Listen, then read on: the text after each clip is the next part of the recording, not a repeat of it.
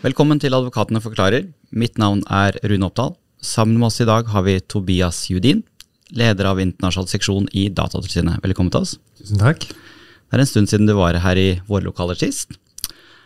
Bakgrunnen for at jeg inviterte deg hit i dag, det var et hyggelig kaffemøte vi hadde for en par uker siden. Det kom i kjølvannet av en debatt eh, i Dagens Næringsliv og på LinkedIn, som startet med en kronikk eh, jeg skrev med et par kollegaer. Kronikken handlet om datene om Google Analytics, eh, men tematikken i debatten var det vi sa avslutningsvis i kronik kronikken om at Datatilsynet opererer som tilsynsmyndighet og som ombud, og at det kan gi dere en slagside. Det var en uttalelse du og andre i Datatilsynet reagerte på. Og la oss ta det første først, dette at Datatilsynet har to roller. Hva ligger det i rollen som tilsyn eh, og som ombud, og kan det være noen konflikt i de to rollene? Ikke sant? Vi har jo eh, mange ulike oppgaver, og det står regulert i GDPR. Eh, når vi skal være tilsyn, skal vi bl.a. undersøke klager vi mottar. Vi skal gjennomføre undersøkelser, vi skal fatte vedtak, og vi skal bringe ulovlig behandling av personopplysninger til opphør. Så det er på en måte den veldig formelle rollen vi har som forvaltningsorgan, som går inn og bruker tvangsmyndighet. Og vi har også da mulighet til å ilegge overtredelsesgebyr som kan være veldig høye. Men så har vi også en rekke andre oppgaver, som bl.a. går på at vi skal informere folk der ute om hvilke farer og risikoer som kommer med behandling av personopplysninger. Vi skal gi råd til lovgivende myndighet, blant. Og vi har også som oppgave å holde oss oppdatert på utviklingen, både når det gjelder teknologi, men også forretningsmodeller. Og det er jo det vi gjerne omtaler som denne ombudsrollen, da. Uh, og disse to rollene, de, det er et fint samspill mellom dem, fordi at gjennom saksbehandlingen vår så oppdager vi jo gjerne problemer. Vi ser hvor lovverket kanskje har mangler, hvor folk fortsatt føler at personvernet deres blir, blir krenka. Uh, og det, Derfor så kan på en måte disse rollene også spille på, på, lag. Men så er det også det at noen ganger, hvis man ikke har så mye kjennskap til Datatilsynet, så tror jeg nok at vi kan framstå som ikke, personvernaktivister. Det er i hvert fall ikke sånn vi ser vår rolle, men jeg forstår at det kan virke sånn utad når vi hele tiden snakker om personvern. Det liker vi å gjøre. Eh, og Derfor er det nok mange som har vært liksom bekymra for om kommer disse aktivistene til å legge, legge vekt på sine aktivistiske ståsteder når de, når de, behandler saker. Men det er i hvert fall ikke noen intensjon fra vår side om å, om å, gjøre det, for å si det sånn. Vi er veldig opptatt av at vi skal kun eh, ilegge vedtak hvis vi har hjemmel til det, og hvis det er et rettferdig vedtak. Andre om, om, på andre områder så har man jo et særskilt ombud. Man har f.eks. Barneombudet. Uh, og jeg vet at det har vært diskutert, eller i hvert fall nevnt i ulike sammenhenger, at Datatilsynet burde delt seg i to, uh, og at et datatilsyn og et personvernombud. Hva tenker du om det? Jeg synes det er en veldig interessant tanke, og vi har jo noe lignende på forbrukerfeltet, hvor du har Forbrukerrådet og eh, Forbrukertilsynet. Samtidig så ser vi jo at Forbrukerrådet, som er denne interesseorganisasjonen for forbrukere, de opererer jo på en veldig ulik måte enn det vi gjør hvor de på en måte eh, kan tillate seg å være aktivistiske, og hvor de skal fremme ulike hensyn, og ikke nødvendigvis trenger å balansere det opp mot andre hensyn. De skal fremme ett, ett hensyn, som regel. Um, og hvis vi hadde splitta oss på samme måte, så, så, så, betyr jo det at da måtte også vi gjort om den ombudsrollen vår, for det er ikke der vi er i dag. Men så ser vi også det at vi har f.eks. en veiledningstjeneste. De aller fleste virksomhetene som vi snakker med, de gir vi veiledning til. Det er ikke de vi fatter vedtak om for. Og hvis vi f.eks. skulle hatt et ombud som ga veiledning til, til, dem og informerte om regelverket og risikoer, men som ikke visste på en måte hva den andre hånda driver med, hva tilsynshånda driver med, da blir det jo enda vanskeligere å gi god veiledning. For vi prøver jo å, å hjelpe folk i riktig retning. De aller fleste virksomhetene der ute som vi snakker med, de ønsker nettopp å gjøre ting riktig. De vil ha mest mulig klare svar fra oss. Jeg tror det har blitt veldig vanskelig å, å gi god informasjon til de der ute hvis, ikke, hvis vi var delt i to, rett og slett.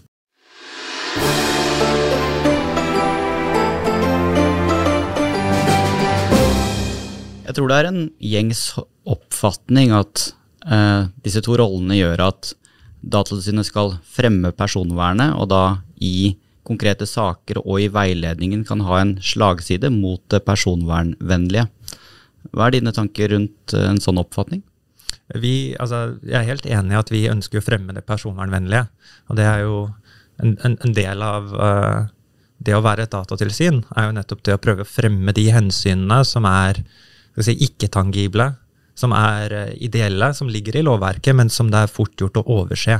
Så Sånn sett så prøver vi å stille de kritiske spørsmålene og få fram de personvernhensynene, og så sier vi til folk at de må innovere på en personvennlig måte. Er, sånn, sånn, er det jo.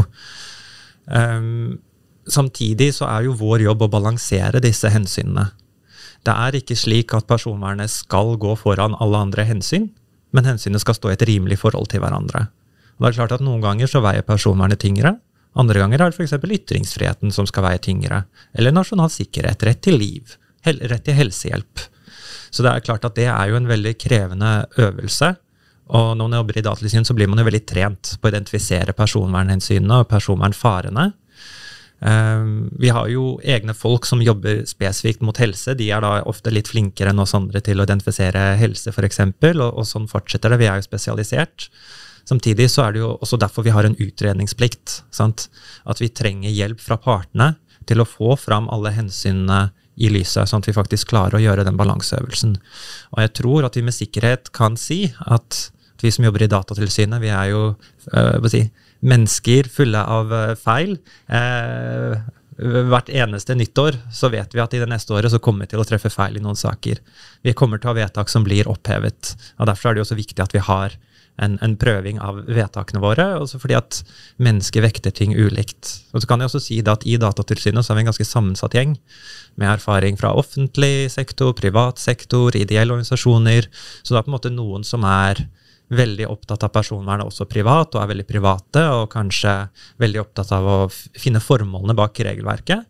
Så er det noen som kanskje er mer opptatt av at vi må at vi holder på med faktisk tvangsmyndighet. At da må vi opptre varsomt. Så det er mye meningsbrytning eh, internt, kan jeg si. Og vi er ikke nødvendigvis alltid enige heller om, om, hvor vi skal gå. Noen trekker i bremsen, andre vil tråkke på gassen. Tenker du likevel at uh, det er en type mennesker som søker seg til Datatilsynet, og dere prater og møter andre datatilsyn, at det er en risiko for at dere etablerer et ekkokammer hvor personvernet får uforholdsmessig stor plass? Jeg tenker at Det er en, en absolutt en risiko vi må være veldig bevisst på. Um, som mennesker så mottar vi jo alle ulike informasjon og ulike impulser. og Derfor tenker jeg det er veldig viktig at vi i Datatilsynet er obs på nettopp det du sier. Uh, og vi prøver jo å ha dialog med andre utenfor oss selv. Vi skal ikke bare sitte i vårt elfenbenstårn, vi holder tilfeldigvis til i en hvit bygning, så det, det passer ganske fint med den metaforen.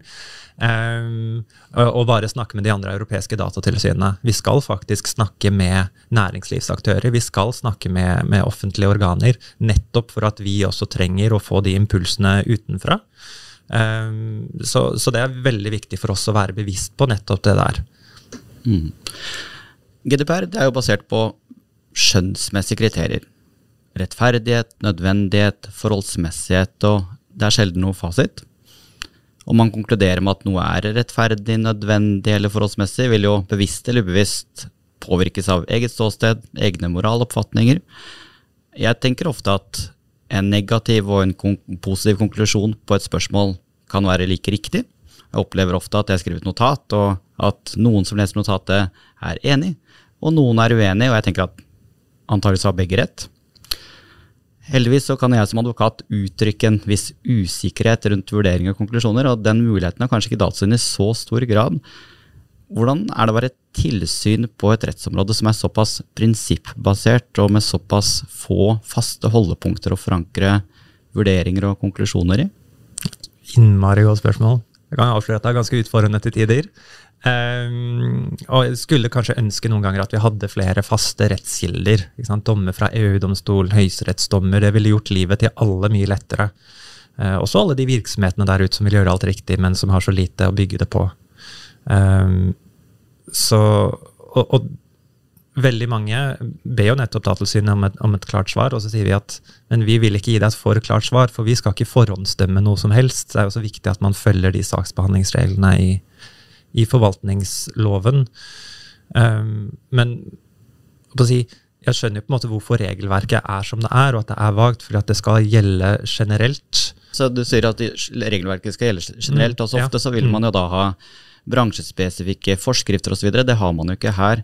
Eh, det har man en mulighet til gjennom eh, atferdsnormer og, og, lignende. Er det kanskje en mulighet eh, virksomheter og bransjer skal bruke i større grad enn man gjør i dag? Mm, det syns jeg absolutt, og vi, det er jo også en oppgave vi har, å oppfordre til nettopp det.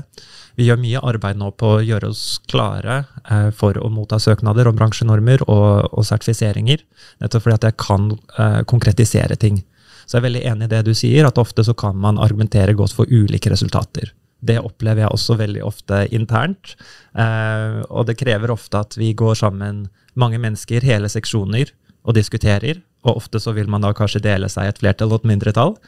Eh, og så er det også sånn også at ingen får lov til å fatte vedtak alene. Det må alltid gjennom noen andre, det må kontrasigneres.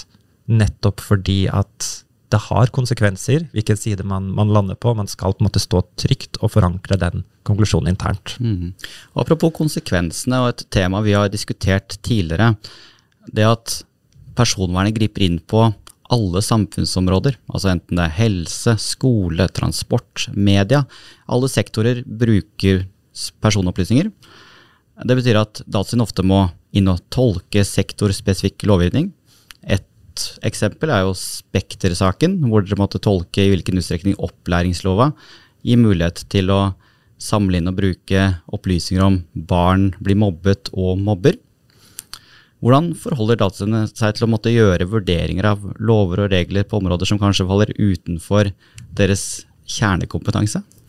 Kan vi si at det også faller utenfor vår komfortsone, eh, hvis det er lov å si det, det, er også en diskusjon vi har internt, og som oppstår ganske ofte.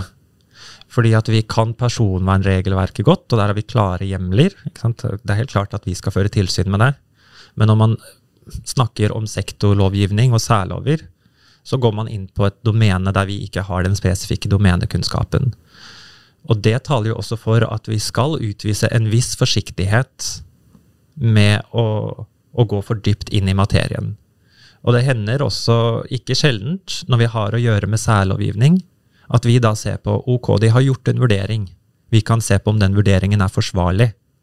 Men vi skal ikke nødvendigvis gå inn og gjøre den vurderingen på nytt etter et lovverk som de kjenner bedre enn oss, på et domene og på et felt som, som de har spesifikk kunnskap om, og som er nytt for oss. Mm, det høres jo betryggende ut.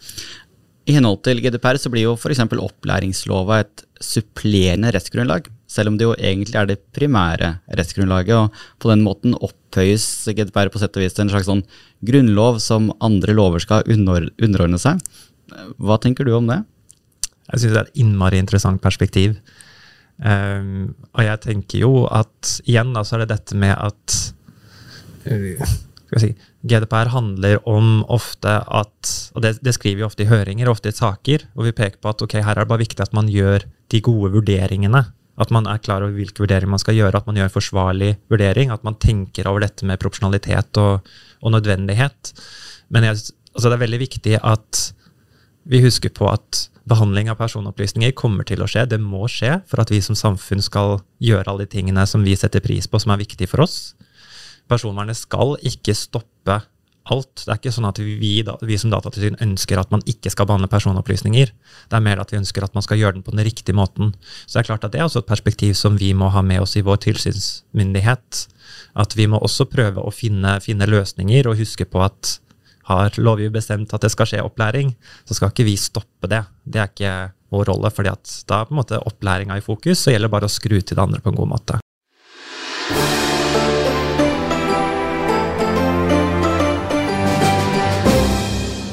En lov kan jo tolkes ulikt, eh, ettersom man har på seg GDPR-brillene eller ikke. og Iallfall så er min erfaring at hvis man har dette GDPR-filteret på, så er det veldig lett å si nei, eh, og veldig vanskelig å si ja. Eh, min erfaring er at hvis jeg skal si nei eh, fordi jeg mener at man ikke kan bruke personopplysninger som ønsket, så kan jeg skrive en kort mail. Mens hvis jeg skal si ja, så må jeg skrive et notat på 15 sider. Jeg vet ikke om det er en erfaring du også kjenner deg litt igjen i? Ja, jeg har hørt andre si akkurat det samme, faktisk. At det alltid er lettere å si nei, da er man på den sikre siden. Men så er det sånn at ved å si nei, så kanskje man stopper noe som hadde vært nyttig.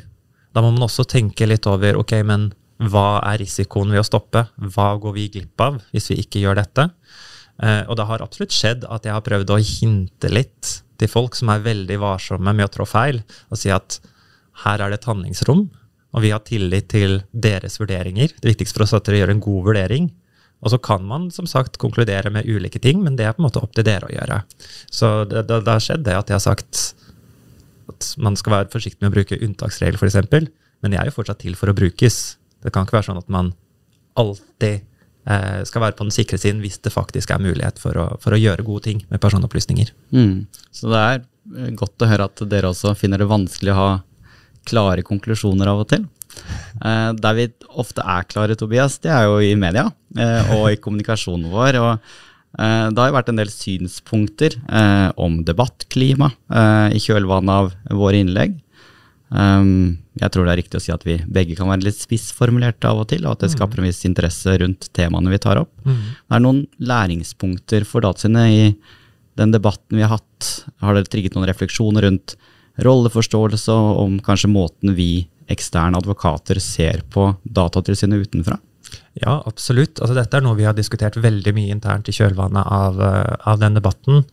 Eh, og som du sier, Rune, så er vi nok begge to litt spissformulerte, og jeg tror vi begge to skjønner hva hverandre mente nå på en bedre måte. Eh, og at det fokuset på saken kanskje gikk litt tapt eh, etter hvert som debatten eskalerte. Eh, men, men, dette viser jo på en måte at det er kanskje ikke så lett utenfra å forstå hva er det Datatilsynet er, hva er det Datatilsynet gjør, og hva er det Datatilsynet tenker.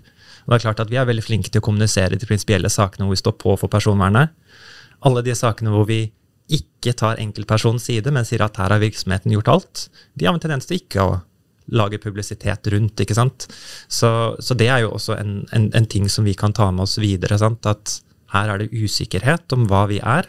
Kanskje må vi da være tydeligere eller mer åpne.